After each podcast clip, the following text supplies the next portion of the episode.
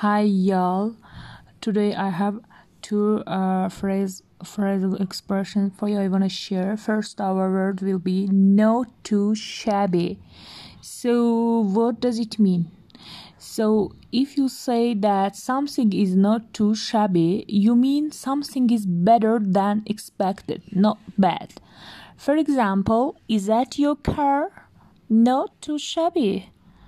Uh, what did you think of the play? Not too shabby, actually. Okay, so our other verb will be to give someone the benefit of the doubt.